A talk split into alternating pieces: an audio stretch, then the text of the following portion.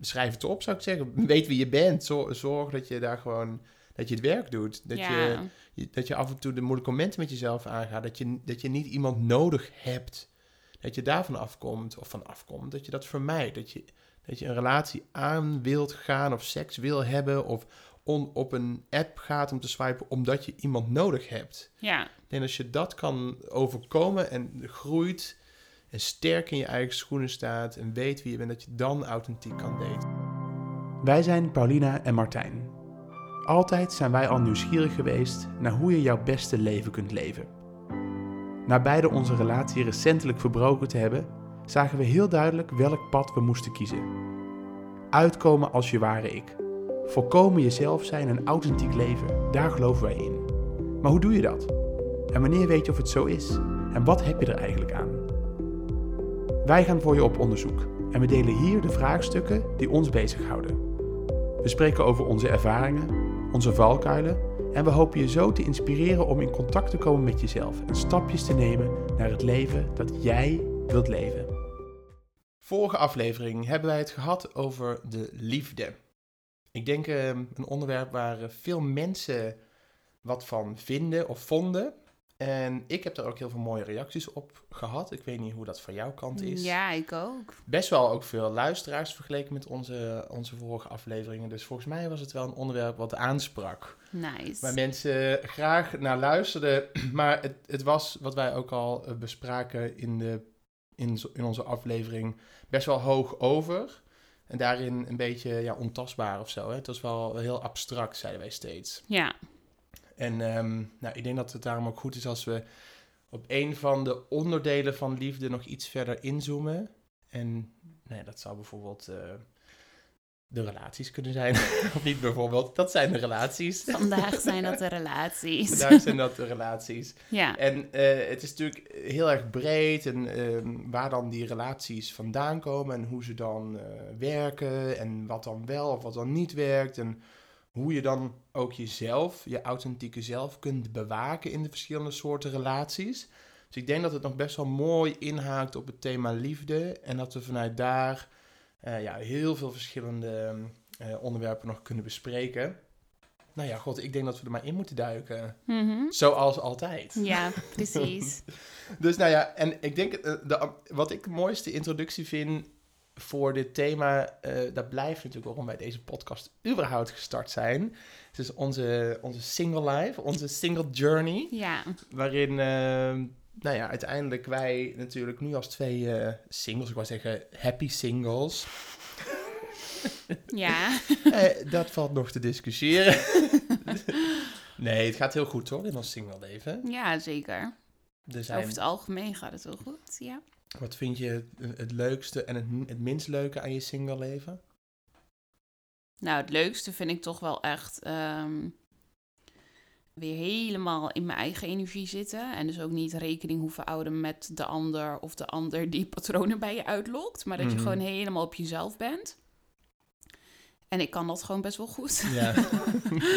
Virgo power. Ja, dus eh, dat, eh, dat vind ik het allerfijnst, denk ik. En eh, nou ja, het andere stukje is natuurlijk wel dat het, dat het ook soms eenzaam kan zijn. Ja. En dat je dan ja, bijna echt actief het gevoel hebt dat je actief naar de liefde op, op, op zoek zal moeten gaan. En dan ook eigenlijk niet zo goed weet waar je precies naar zoekt. Dus dat, Ja. ja. dat is dan ook echt zo'n soort van barrière, heb ik het gevoel. Een zoektocht als single zijnde. Ja, En dat is ook denk ik wat heel mooi aanhaakt op dit onderwerp. En dat jij dat ook zo zegt. Want ik denk dat, dat single zijn, ik bedoel, ik ben natuurlijk zelf nu ook single. Gelijk dit soort vragen inderdaad oproept. Alsof het een zoektocht moet zijn. Mhm. Omdat we anders niet eh, succesvol of zo zijn in het leven. Als je ja, is het plaatje niet compleet. Ja, is het plaatje niet compleet. Ja. Dat je dat, dat het, eh, het ultieme, de ultieme prijs van het leven is een succesvolle, lang, lange en duurzame relatie of zo. Ja, Ik weet niet of dat zo is. nee. Maar zo zijn we wel. zo zijn we, worden we wel natuurlijk getriggerd om dat eh, te denken en eh, om daarnaar te handelen. Nou zijn er natuurlijk ook best wel veel ehm, singles, echt ook dus op zoek naar die relatie. Hè? Om dat dus te, te, te gaan vinden. Ja, en het best wel, dat, neemt best wel veel tijd en denk ik van je, en energie van je leven in beslag. Uh, van, nou ja, hoe ziet, uh, hoe ja, uh, je gaat dat najagen, daar ga je veel tijd in stoppen. Tinder, voor de Grinder, Bumble, Happen, nou neem, neem ja. het. Dus dan ga je daar heel veel mee bezig zijn. En, dus het, wordt, het kan een heel consumerend ding worden om dus die zoektocht aan te gaan naar een, naar een persoon ja. een romantische relatie. Maar als wij het dan hebben over het authentiek zijn, jezelf bewaken, je waardes in stand houden, voor jezelf blijven staan als single. Van ja, hoe, hoe ziet dat er dan uit? Hoe ga je die relatie met jezelf of zo dan aan op een succesvolle en gezonde manier? Vind ik een beetje een, een, een lastige als in, kijk, als je net single bent, dan vind ik het ook altijd heel mooi om. Uh, om even los van echt het hele van de relatie waar je uit bent gekomen en alle emoties te voelen die gevoeld willen worden en alles wat opkomt, vind ik het ook altijd een heel mooi moment om te reflecteren op wat er dus in die relatie is gebeurd. Uh, hoe jij je opstelde, hoe de ander zich opstelde. Ja, wat je, daar, wat je daaruit meeneemt mm. voor een volgende liefdesrelatie. Van ja, wat je begrijpt, oké, dit werkte dus heel goed voor mij, dit niet, dit miste ik heel erg. Dit vond ik juist heel erg fijn.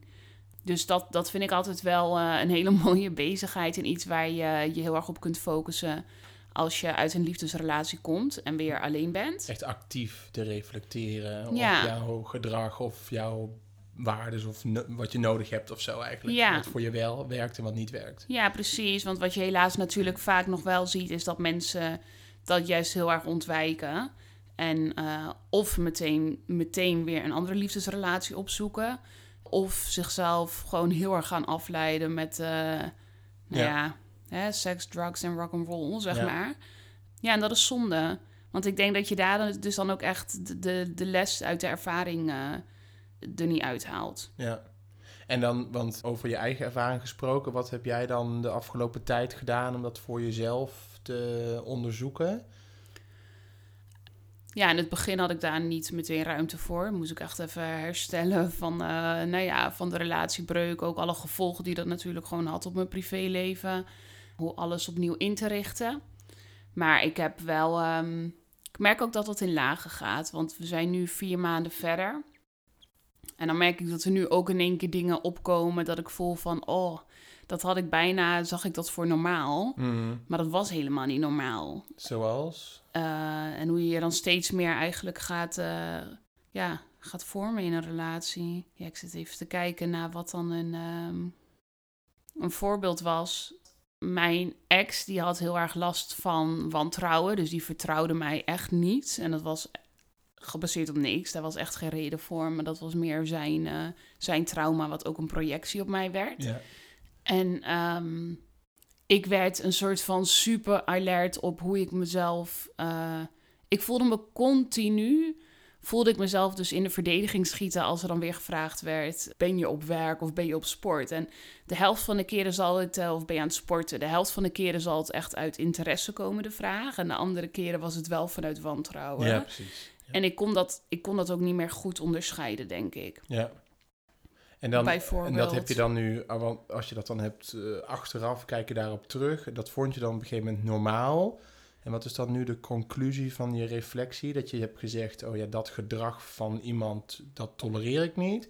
Of is dan de reflectie iets over jezelf, waarin je dan hebt geleerd, oh ja, dit is dus wat ik toelaat. Of wat, ik, wat, wat, wat er gebeurt. Of ja, wat, wat is dan je les? Ja, nou ja, de les was inderdaad uh, allereerst, uh, dat, uh, dat doe ik niet meer. dat ga ik niet meer doen. of althans, dat hoop ik niet meer, dat ik weer in zo'n situatie terecht kom. Want ja, ik vind dat zo, ik heb die gesprekken natuurlijk ook gewoon privé met jou gevoerd. Maar het feit dat als eerlijkheid voor jou zo'n zo'n belangrijke waarde is. En iemand continu doet alsof jij niet te vertrouwen bent, dat doet echt heel erg pijn. Dat doet echt op een hele diepe laag, doet dat pijn. De eerste keer dat je iets zegt, dat, je bijna ergens in wordt gepraat door de ander. Zo van geef maar toe. En, en bijna tot punten dat je eigenlijk bijna aan jezelf begint te twijfelen, aan je eigen waarheid. Ja, dat vond ik wel heel, uh, heel heftig om te zien achteraf. Wat voor effect dat op mij heeft gehad. En hoe dat dan in zijn werking gaat. En dat komt ook heel erg vanuit. Ik mag gewoon veel meer gaan staan voor wat mijn waarden zijn en Mm. mijn waarheid. Ja. En ook al probeert iemand anders me dan een bepaald hoekje in te, in te duwen, ja, dat is niet. eh, ik hoef daar niet in mee te gaan. Nee. Want ik ging steeds meer mezelf daar dus ook in verdedigen. Ja. Echt tot hoogtes dat ik, eh, dat ik nooit had verwacht dat ik zou gaan. Maar dat ik het zo belangrijk vond dat de ander kon zien dat ik echt de waarheid sprak. Ja. Ja, dat is eigenlijk heel verdrietig. Ja, en dat is, ik wil dat net, net ook al zeggen, want je houdt daarmee dus een soort van, ja, jij zegt, ja, dat doet iemand en daar geef je dan aan toe. En, da- en we hebben het nog steeds over single zijn, is wat je dus leert eigenlijk. Hè? Dus doordat je je relatie verbreekt, hoor ik je ook zeggen, ja, dit heb, dit heb ik nu achteraf, zie ik dat ik iemand over mijn grenzen heb laten gaan, waar ik eigenlijk eerder had kunnen zeggen, of in mijn kracht had kunnen staan, dit is waar ik voor sta, dit is wat, wat voor mij belangrijk is. Maar ook hoor ik een beetje tussen de lijnen door, er is ook echt tijd nodig om te helen daarvan voordat je in een andere relatie stapt. Want anders zou je deze bijvoorbeeld lessen niet leren en meenemen in de volgende relatie. En dan zou die er weer Ja. uitzien als je vorige relatie. Ja, zeg ik dat een beetje... Ja, Klopt dat wat ik zeg? ja ik denk wel zeker dat eh, de dingen die je niet. eh, de lessen die je niet leert, die worden je gewoon opnieuw voorgeschoteld Ja. in een ander jasje, totdat je de lessen wel leert. Ja. Die les die jij nu leert, die gaat natuurlijk over jezelf. Daar zit ook een stukje confrontatie bij. Naar jezelf kijken, je eigen gedrag onder de loep nemen. Ehm, niet alleen de schuld of zo leggen bij de andere persoon. Dus het Ja. kan best wel een confronterend gesprek met jezelf zijn, denk ik. Zeker. En da- dat, wa- wat ik ook denk als single zijnde, stel dat je komt net uit een relatie en nou, daar zijn van allerlei redenen dat je relatie verbroken is. Ja, dat kan van heel vriendelijk, vriendschappelijk gaan tot, noem maar op, hele, hele vervelende dingen. Mhm. Eh, maar daarin, kan het, daarin wordt vaak, denk ik, ja, daar hebben ze, de een of de andere partij heeft daar misschien een beetje nare nasmaak van, of heeft daar pijn van, of verdriet. Tenminste, daar ga je dan, dat lijkt mij heel logisch dat je daar verdriet van hebt, of dat je daarvan moet bijkomen. En als je die tijd dan dus niet neemt, en dat is denk ik ook al, als single zijnde zo belangrijk, en wat wij alle twee bewust hebben gedaan, als ik voor mezelf spreek, echt heb afgesproken toen mijn relatie over was, om te zeggen, ik ga het komende jaar me focussen op mijn groei, op mijn ontwikkeling, zodat ik die sores niet meeneem in een volgende relatie. Want ik zag ook heel goed dat het voor mij niet werkte. ja, En dat is denk ik wat sommige singles wel doen, is gelijk door in een andere relatie, want dan voel ik al dat verdriet en pijn en depressiviteit en de confrontatie niet, want dan ben ik weer veilig bij een andere partner. ja, precies. Dus ik snap wel wat dat betreft ook wel ehm, wat, je, wat je zegt. Maar wel lastig Ja, om daarbij, eh, om daarbij te komen. En ik denk, je bedoel, wij doen daar natuurlijk zelf veel werk over. Eh, we doen daar veel werk voor. En wij hebben deze podcast, we praten er veel over. We praten er met buiten de podcast veel over. Als mensen zelf nou zo'n, ja, dit zouden willen onderzoeken bij zichzelf. Ja, wat, zou je, wat zou je aanraden? Is het eh, schrijven? Is het eh, podcast luisteren? Psycholoog? Wat weet je wat het beste werkt om even bij jezelf in te checken van... Oeh, hoe ben ik hier uitgekomen en wat kan ik anders doen? Eh, nou, ik denk dat alle drie de opties die jij noemde zijn natuurlijk eh, mogelijke opties om te overwegen. Ja, Psychologisch inderdaad een stap, maar misschien kun je ook al een paar stappen zelf zetten. Als je het Hmm. gevoel hebt dat je dat daadwerkelijk niet kan, dan is het altijd goed om een eh, professioneel iemand erbij bij, te, bij te halen. Want die kan je dan heel mooi helpen om tot je eigen inzichten te komen. ja, Ja, schrijven. Ik denk dat het heel mooi is om echt eh, nou ja, terug te halen, terug te kijken naar momenten dat, eh, dat het dus heel erg botste en waarom het dan botste. Wat waren eh, de, de, ja, de oorzaken eigenlijk van de problemen, van de ruzies? Hoe voelde je je door wat voor gedrag en Ja. andersom? Ja, als je daar helemaal in eigen, eigen energie op terug kan kijken, en dat is echt iets heel anders. Want ik denk dat we ook onderschatten wat het met ons doet om bijvoorbeeld samen te wonen en continu in elkaars energie te zitten. Ja. En als jij helemaal in je eigen energie weer zit en dan terugkijkt op een andere situatie, dan, dan zie je het in een heel ander licht. Ja, ja precies. En ik, dat is natuurlijk tegelijkertijd, hè, dus dat reflect- wat je zegt, op jezelf terugkijken, eh, reflecteren, opschrijven, situaties naar voren halen en goed ook voelen. Ik denk dat ook heel belangrijk is, dat we dat Mhm. niet vergeten Ja, en mogen voelen. Maar ja, dat je zo in, die, in elkaars energie zit, dat soort van aanpassing, dat samensmelten van elkaar, dat is ook best wel, dat, dat is niet per se hoe een relatie werkt. Maar ik denk dat we daar zo meteen Ja, nog maar even wat verder op in moeten duiken. ja Want we zijn natuurlijk nog steeds bij stap 1. Op het moment ben, zijn we nog single en blijven Ja. we daar nog even bij. En wat wij ook zeggen, tenminste ik zeg, eh, het is denk ik goed om een tijd alleen te besteden. Zeker als je net uit een relatie komt.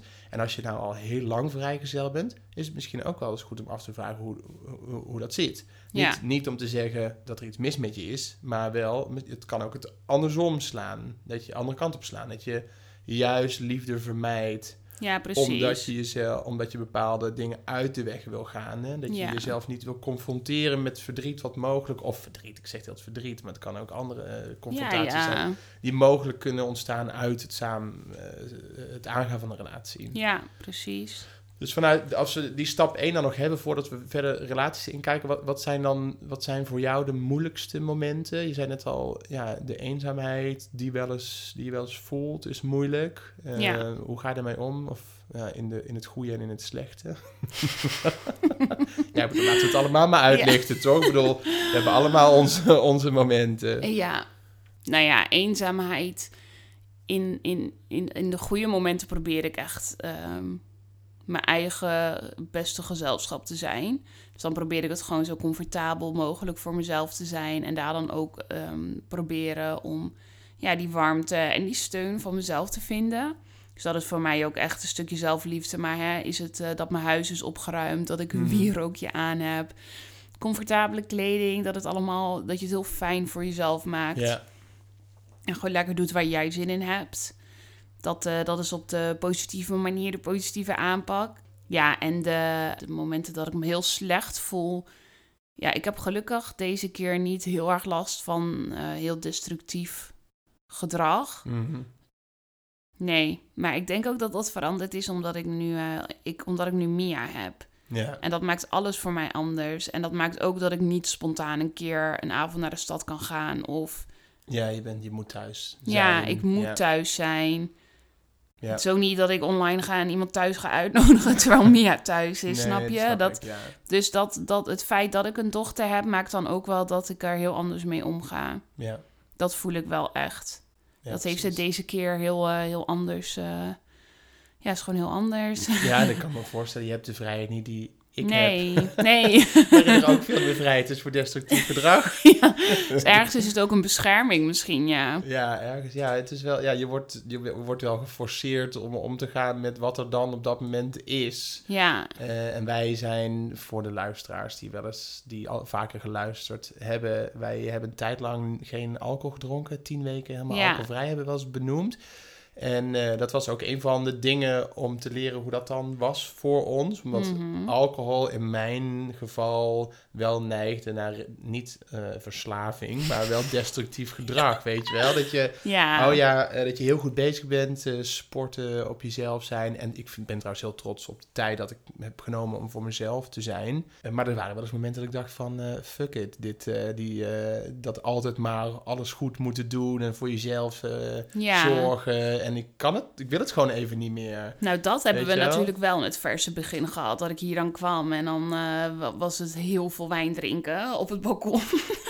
Ja, ja, dat, dat wel even. Ja. Ja. En ik denk ook dat dat ook best wel mag. En ik had het uh, laatst, ik had gisteren mijn zusje aan de telefoon en um, die, uh, in, die gaat ook door een relatiebreuk heen.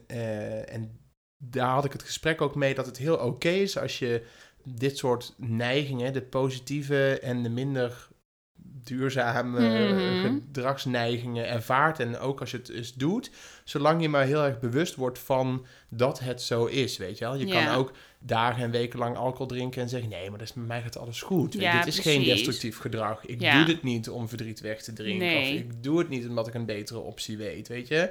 Je kan tien keer kiezen voor de beste optie, zoals jij zegt. En ik vind dat altijd de mooiste vraag. Wat heb ik nu nodig? Als het Mhm. antwoord bij je opkomt, het is eigenlijk wat je zegt, mijn huis, wierookje, comfortabele kleding, goed voor mezelf zorgen, wat het dan ook mag zijn.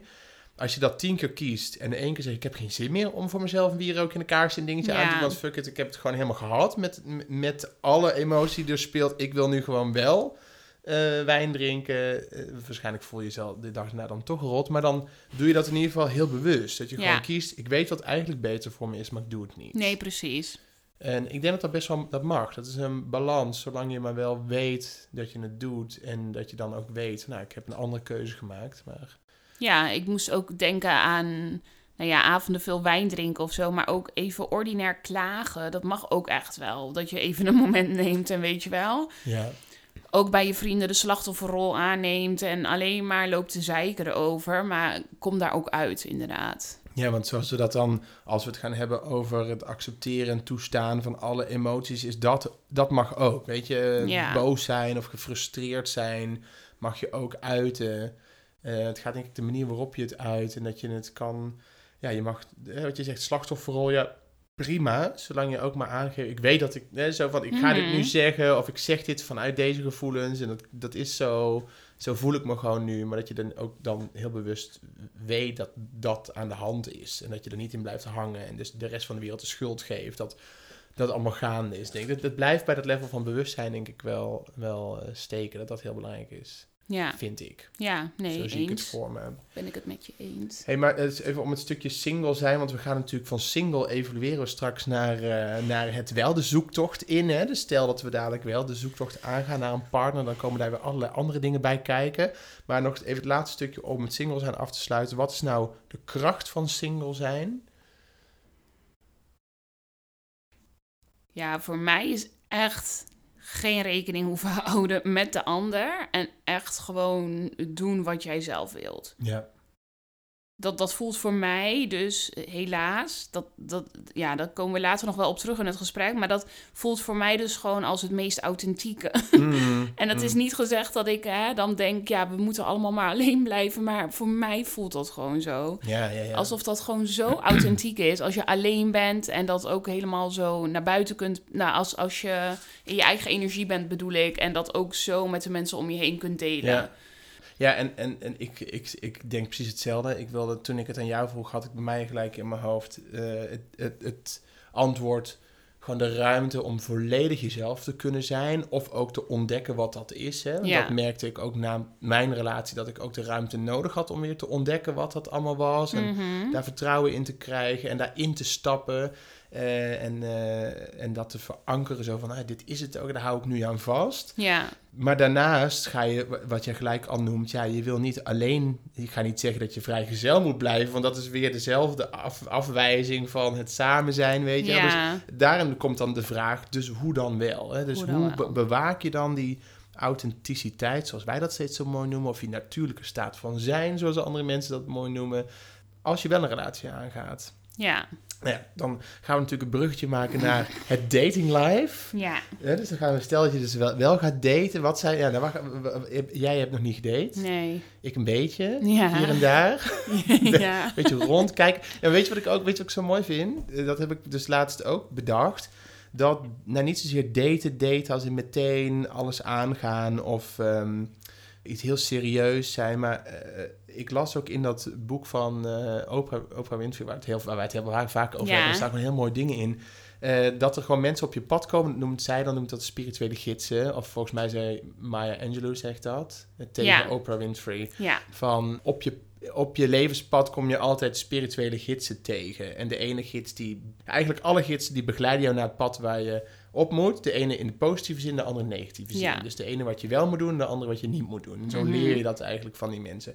En ik, zo, zo heb ik mijn dating life een beetje ook eh, ingedeeld. Zo van, nou ja, ik ga niet in voor een relatie, maar er zijn nog steeds heel veel dingen die ik wil leren op het pad naar een succesvolle relatie. Of succesvol, naar misschien wel weer een romantische la- relatie toe. ja. Nou, de mensen die zo op je pad komen, kun je ook een beetje oefenen. Zo van, oh, wat vind ik nou wel fijn? Wanneer ben ik mezelf wel? Dat je het een beetje integreert of zo, denk ik. ja. Dus dat, dat, dat vind ik het leuke aan het af, een beetje weer het daten aftasten en met mensen in contact zijn. Want dat vind ik best wel spannend na, na het beëindigen van een relatie. Ja, dat snap ik wel. Maar goed, dat begint natuurlijk met, eh, met eh, nou ja, dat kan, gaan, plek, dat kan gaan vanuit daten. Je moet zelf weten hoe je aan een date komt. Het maakt mij verder niet uit of je dat, of je dat nou online doet of niet, weet je wel. Het is voor Ja. ieder zijn eigen pad. Maar ja, daar hoort natuurlijk van alles. Dat heb je ook weer in heel verschillende vormen. Je kan natuurlijk daten voor seks. Je kan daten voor intimiteit. Je kan daten voor het echt het zoeken van een. Het zoeken van een liefdesrelatie. Je kan. Ik moet meteen inderdaad heel erg denken aan met wat voor intentie Ja, begin je inderdaad met dat, daten. ja. Wat is je intentie? En hoe puur is die intentie? Dus hou je jezelf voor de gek met je intentie? Of is het Ja. echt de intentie vanuit je hart? Hè? Want soms doen we ons ook heel groot voor en zeggen: nee, ik zoek alleen seks. Ja, En dan, maar als het dan alleen seks is, dan vinden we het opeens niet meer leuk. Ja, en ik wil gelijk dan ook even aanhaken op waarop we net alcohol noemden als destructief gedrag. Dat je in het dating life ook dat nog eens, dat nog eens kan vermeerderen met seks, bijvoorbeeld. Ja, ja absoluut. Om, en daar dan niet bewust van zijn wat daar dan weer de onderliggende Ja. eh, eh, drivers voor zijn. Hè? Waarom is het dat jij steeds seks zoekt bij... ehm tuurlijk, het kan puur weer... eh, eh, nou, dat is het waarschijnlijk het afwijzen van je eigen verdriet zijn. Dat zoeken bij de warme veiligheid van een ander. Hè? Of, eh, de streling van je ego. Dus toch, hè, weet je wel, van ik ben, eh, ik wil zeggen waardig, maar dat is niet het juiste woord. ja, nou, je maar bent, ja, wel, ik ben waardevol, ik ben compleet, ik Ja. ben, ben goed genoeg. Gewoon Ja. puur dat aanvullen.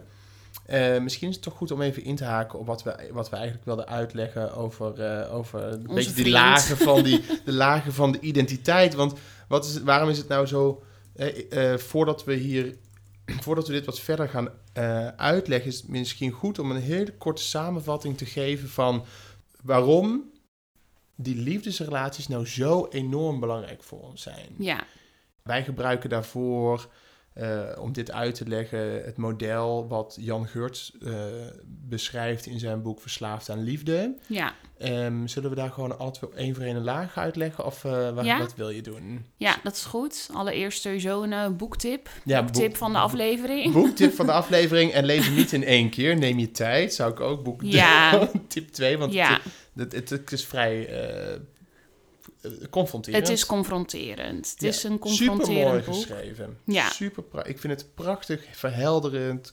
Echt een heel mooi boek. Maar het, er gaan, als je ervoor open staat, best wel wat belletjes rinkelen. Ja, en dat doet wel even pijn inderdaad. Kan, ja. En ik vond persoonlijk, nou ja, misschien moeten we daar ehm, maar heel even voordat we beginnen met die lagen. Ik vond het wel heel fijn om te lezen terwijl ik single ben.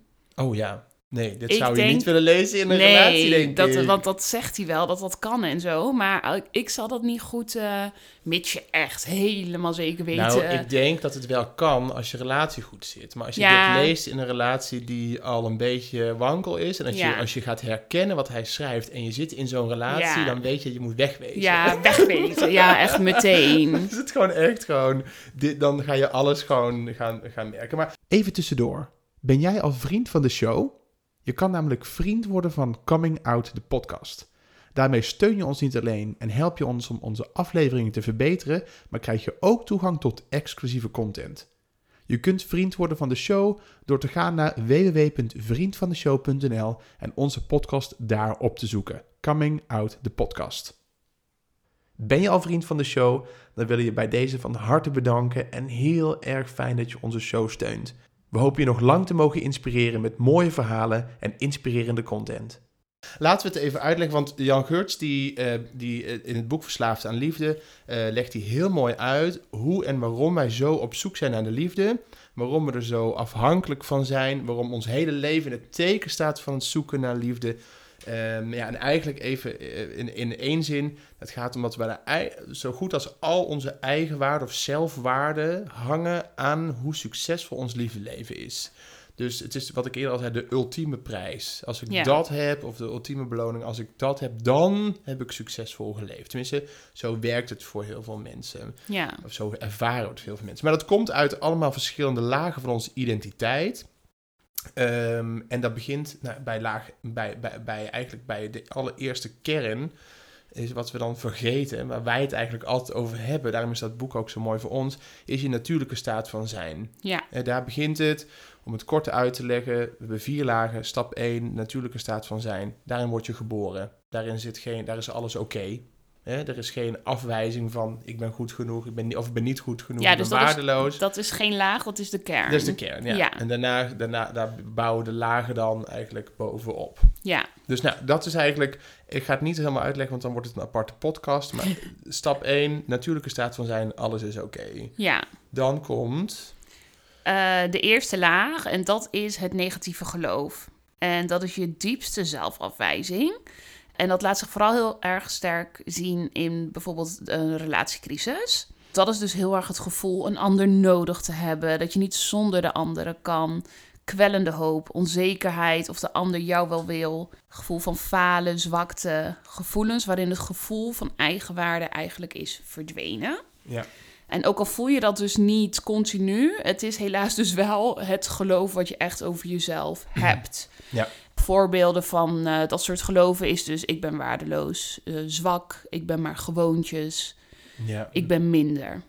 Ja, en die ontstaan eigenlijk al in onze jeugd. Hè. Na, dat, na die geboorte, waar alles oké is, komen daarna allemaal regels. Een hele simpele is, als kindje spring je, en dat schrijft hij ook, met je vieze Ja. schoenen op de bank. En jouw ouders zeggen op die manier, niet doen, want dan. Hè, Ja. Dus dan wordt er gelijk, er wordt op zo'n moment een regel gehangen aan... Als je zo doet, dan ben je niet goed genoeg. Dus er komen geloven in van ik ben niet goed genoeg. Die beginnen dan te ontstaan. Ja, exact. Dat is, dat is de diepste, ja, wat jij zegt, laag 1, een van onze diepste ja, zelfafwijzing. Hè? Ja. Het afwijzen van wie ik be- eigenlijk ben, begint daar. Ja. Waarin we onze natuurlijke staat van zijn al gaan vergeten. Nou, daarbovenop komt dan nog een laag. Dat zijn dus de regels en voorwaarden waar je dan aan moet voldoen.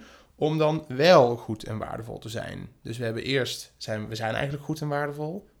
Dat is dan natuurlijk staat van zijn. Dan komen deze negatieve geloven. En dan gaan we nog allemaal regels verzinnen die daar eh, bovenop moeten. Dus eh, ja, ik moet dus sterk zijn. Het pijnlijke aan deze laag is inderdaad van bijvoorbeeld wat je zegt, ik moet sterk zijn, ik moet me kwetsbaar opstellen. Die staan tegenover elkaar. En dat is gebeurd dus met eigenlijk alle basisregels. Hè? Ik moet spontaan zijn, ik moet mezelf onder controle houden. Je kan het niet meer goed doen. Ja, Dus er is voor alles wat je doet, is er dus ook meteen een soort van afstraffing. Ja. Waardoor je het gewoon niet goed kunt doen. Ja. Dat is het probleem met de basisregels. En jezelf inderdaad ja, blij, ja, blijven corrigeren. Je mag Ja. niet te spontaan zijn, want, je moet, want dat is je afgeleerd toen je jonger was. Maar nu moet je spontaan zijn, want dat hoort in een relatie zo. Ja, Dus, eh, maar ja, je moet jezelf onder controle houden, want het, dus, het wordt heel verschrikkelijk. ja, het is helemaal dat kut. Is, pat- Regel, dus laag 2, helemaal kut. Basisregels. Ja, Patroon, die moet ik eruit bliepen, denk ik. Eh, patronen in denken, voelen en gedrag. Laag 3, leg jij die nog maar wat verder uit. ja, dus dan eh, heb je dus de tweede laag van onze identiteit, eh, waren de basisregels en de condities. Dat wordt gekenmerkt door het zich afwenden van de geest, van zijn eigen vermeende tekortschietende natuur. Ja, die moet je nog, alleen die zin moet je nog een keer voorlezen, denk ik. Ja, dus De tweede laag van onze identiteit wordt gekenmerkt door het zich afwenden van de geest van zijn eigen vermeende tekortschietende natuur. Ja. Dus. eh, die tweede laag, die dient dus echt als. ehm, eh, ja, de geest die zich dus afwendt van zijn pure staat eh, van zijn, omdat hij denkt dat hij een tekortschietende natuur heeft, Ja, ja, precies. maar die niet heeft. Ja. Dus wordt- Dat is het eigenlijk. En dat het gaat dus heel erg over het geluk en de veiligheid buiten zichzelf zoeken. En dan heb je dus daar een, een laag weer omheen. Mm. En dat is dus als, wat hij als volgt omschrijft. Het gevolg van die omkering manifesteert zich in de derde laag van onze identiteit. En hier heeft de geest het contact met zichzelf helemaal verloren. En leeft in een schijnwereld van automatisme en projecties. Dus dat zijn inderdaad onze patronen. Dus dat, dat steeds terugkerende ideeën van eh, Ja. gedrag en gedachten. Ja. hoe, hoe je over jezelf denkt, hoe je je gedraagt in de wereld. En, Exact. En wat hij daar dus bijvoorbeeld zegt is op basis van het negatieve geloof: ik ben niet goed. Is er een regel ontstaan? Je moet succesvol zijn, je mag geen fouten maken. En daarop ontstaat dan een dwangmatig patroon van, ja, Perfectionisme. Nou, en daar zijn we natuurlijk zo ver. Dus we hebben dat negatieve geloof gehad. We hebben daar een basisregel op verzonnen. We hebben daar ondertussen gedrag op ontwikkeld. Hè? Dat Ja. doen we eigenlijk al allemaal voor ons zevende levensjaar. Ja, Dat, eh, eh, dat is al hartstikke mooi. En dan komt de allermooiste laag, vind ik. En die is zo mooi als aan de oppervlakte, is het imago. ja. Dus dit is de buitenste laag van die identiteit. En het imago is het beeld dat we willen dat anderen van ons hebben. Dus hier gaan we eigenlijk alles versluieren wat er in die eerdere lagen gebeurt, zodat andere mensen dat niet zien. Hè? Ja. Want we willen juist zorgen dat mensen eh, ons zien als perfect en mooi en gezellig en leuk en, en spontaan. Dus dan Ja. ga je eigenlijk ga je nog eens gedrag opstapelen bovenop, nou ja, alles wat je... Het is eigenlijk double trouble, noem ik dit maar. Ja, en daar, ver- daar verlies je natuurlijk heel erg in, in, in je imago. Het zijn iemand, totaal iemand zijn die je niet bent. Maar ja, wat. Ik denk dat ik hier zelf wel een beetje een antwoord op heb hoor. Maar het is natuurlijk. Bij de een staat het imago verder af van zijn eh ware zijn dan bij de ander, denk ik. Nou, dat denk ik wel. Ik denk hoe groter, eh, hoe minder bewustzijn en hoe groter jouw onderliggende negatieve geloof is, hoe sterker je imago is. Want je verdedigt dat natuurlijk met je leven. Ja, Dat was ook het geval bij een vriend van mij, die inderdaad, daar waar een heel sterk on negatief geloof bestond van ik mag hier niet eens zijn of ik heb geen plek op deze wereld. En dat was bijna in overleven, dus imago werd het de overlevingsstand letterlijk om dat negatief geloof te bevechten. ja. Dus alles wat hij zei en deed was puur om te, niet te laten zien dat dat bestond. Snap je? En dat werd zo sterk. Als je daar doorheen zou prikken, dan zou, ze, dan zou gevoelsmatig het hele leven, ins- zijn Ja, hele dat leven stort instorten. Dan ben je, heb je da- daadwerkelijk geen plek op deze wereld. Dus dat imago is soms gewoon, denk ik, heel sterk. Ja, af- afhankelijk van hoe sterk dat negatieve geloof voor iemand is. ja. Denk ik. Of hoe, wij, hoe meer, of hoeveel werk je eraan gedaan hebt. Of hoeveel heling er heeft plaatsgevonden, denk ik wel. Dat is- En wat ik ook bijzonder vind bij imago is van... eh, er zijn echt een paar indrukwekkende imago's... Hè, waar ook eh, veel van ons continu geïntimideerd door raken bijna. Waar we ons eh, ja, tegenop opmeten, of toch ook Mhm. wel. Dat we heel erg in de vergelijking gaan. ja, Ja, dat, is wel, dat vind ik wel altijd echt heel erg bijzonder. ja, Want eh, vergeet niet dat we in de kern allemaal hetzelfde zijn. ja. Nee, maar hoe dan toch zo'n groot verschil in, eh, in, in imago's eigenlijk bestaat. Maar goed, om even on topic te blijven. Ja. Want we hebben een hele mooie introductie nu gegeven aan die la- We hebben net een boek voorgelezen. en eh, nou ja, goed.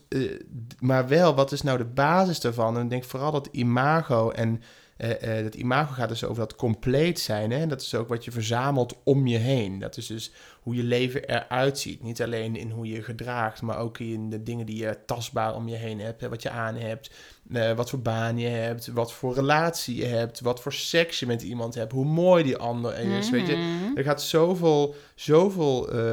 daarom hebben we dit ook uitgelegd. Dat het, als je dit goed begrijpt, kun je gaan inzien hoe belangrijk. of hoe jij jouw dating life. of de, zoektocht naar een relatie aangaat. Ja, Van hoeveel van dat is gebaseerd op het instand houden van een imago. Of hoeveel van. of, of, of is jouw eh, het verbinden naar een relatie. of het zoeken naar een relatie. komt dat echt vanuit je natuurlijke staat van zijn. ja, Dus daarom was het zo mooi om even uit te leggen. Omdat ik denk het echt wel iets is waar mensen over kunnen nadenken en op kunnen reflecteren. Om daar iets mee te doen. Dus, dus. de zoektocht naar de liefde. De zoektocht Dit naar de allemaal liefde. meegenomen hebben. Dan, eh, we hebben, wat, jij zei eerst mijn intentie. Hoe puur is je intentie? Nou, ik, dat, toen kwam dit verhaal naar boven. Toen zeiden we, hebben dit allemaal uitgelegd. Ja, hoe puur kan je intentie dan zijn? Waar, wel- wat voor intentie zet je als je het hebt over daten? Ik vind, het maakt niet uit wat je intentie is. Hij is puur op het moment dat, dat, dat, het, echt, eh, dat het echt waar is.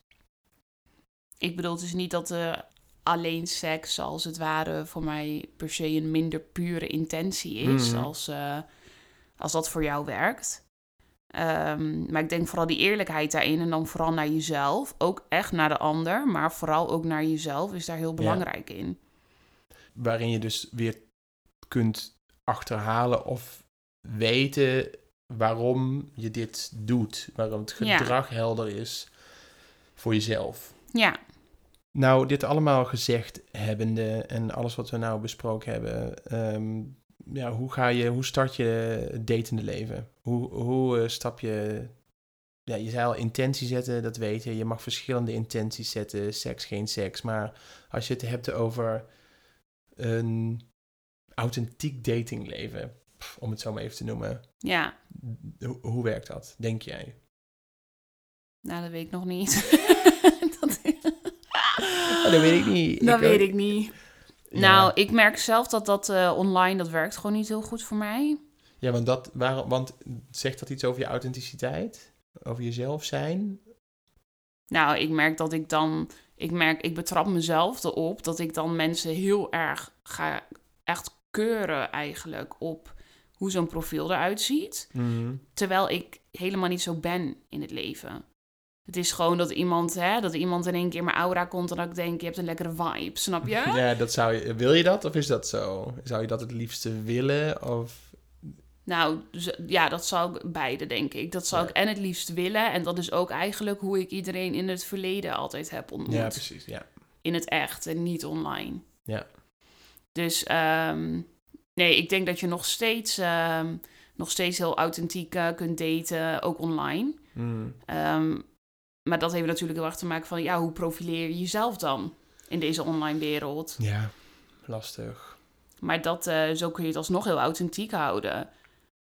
Ja, en dat, dat online daten, ja, ik heb hetzelfde als jij hoor, want dat online daten is inderdaad, ja, hoe authentiek is dat? Ten eerste hoe de ander zich, ook al presenteer jij jezelf zo echt mogelijk, hè, met een recente foto, met eh, weet ik veel wat, Mhm. eh, leuke tekst die echt vanuit jezelf komt. Neem, neem het, je weet het ook niet van de ander. Nee. Het is best wel, ja, lastig om in te schatten wanneer iemand nou eerlijk is of niet eerlijk is. Of... Nee, maar ik zit nu ook meteen te denken, in het echt kan dat natuurlijk ook net, dat gaat, dan gaat dat net zo op. Ja, maar heb je dan niet gelijk een soort van... eh, je hebt toch een klik of je, je merkt gelijk... eh, Ja, eh, dat wel. Hoe een gesprek floot of hoe oogcontact is. Of dat er ja. eh, oprechte interesse is. Of er eh, ja, iets van een connectie is. Ja, je, nee, zijn- dat, dat is waar. En je hebt natuurlijk, wat, wat, wat op Tinder heel vaak gebeurt, is eh, wel swipen, wel, wel, hoe noemen we dat, eh, matchen, maar dan niks zeggen. Ja, en dan niks zeggen Dat is inderdaad. ook zo, waarom doe je dit dan? Ja, dat slaat helemaal nergens op eigenlijk. Dat, het wordt echt een beetje zo'n, eh, dat is het toch? Zo'n endorfine, zo'n ja. zo'n Ja, adrenaline kick eigenlijk. En het is ook heel erg ego-strelend van oh, nog een match, nog een match. Maar dan vervolgens daar inderdaad helemaal niks mee doen. Beetje Ehm, hetzelfde weer als seks hebben voor, hè, wat ga je uit de weg? Waarom doe je, weer dat be- daar bewust bij blijven, waarom doe ik dit? Waarom swipe ik de hele tijd? Waar ben ik naar op zoek? Wat je eerder al zei, van ben ik naar iets op zoek buiten mezelf? Of kan ik de liefde ook uit mezelf halen? Of kan ik Ja, mezelf precies. afvragen wat ik nodig heb in plaats van... Ik moet wel heel eerlijk zeggen, nu ook met dat ik zeg online werkt niet. Het werkt voor mij nog minder, omdat je dan dus een soort van informatieprofiel over jezelf maakt. En dan moet ik daar dan zogenaamd neerzetten dat ik, dat zet ik er dan niet neer. Maar dat het stuk dat ik moeder ben, daar kan ik helemaal niks mee. Ik, nee, ik kan daar niks mee. Oh, arme Mia. Nee, ik, nou, Hey, sorry, eh, Mia. nee, dat eh, staat helemaal los van Mia en de liefde voor mijn dochter. Maar het is gewoon dat ik het in daten vind ik dat zo lastig. Want ik ben dus een heel eerlijk persoon. Dus ik zal dat niet drie dates willen achterhouden en dan in één keer, ja, wat voor mij toch wel een beetje als een bom voelt, te zeggen in één keer, oh ja, ik heb trouwens wel een dochter van twee. Ja. Ehm, en zou ik dat wel verzwijgen, voelt niet authentiek voor mij. Ja. Maar dit is nieuw voor mij. Ik weet helemaal niet hoe ik dat, eh, eh, hoe ik dat aan zal moeten vliegen. En ik heb zelf een beetje daarom online ook... Ja, dat, dat zie ik gewoon niet gebeuren. Nee, Ik zie het meer gebeuren dat iemand mij als persoon leert kennen... en dan op de kinderdagverblijf. op het kinderdagverblijf, inderdaad. nee, maar dat iemand het al weet... En dat het niet zo'n zware intro wordt. Ja, oké. Maar ik denk ook dat je het een beetje overdenkt. Nee, dat denk ik niet. Nou ja. Oké, dan niet.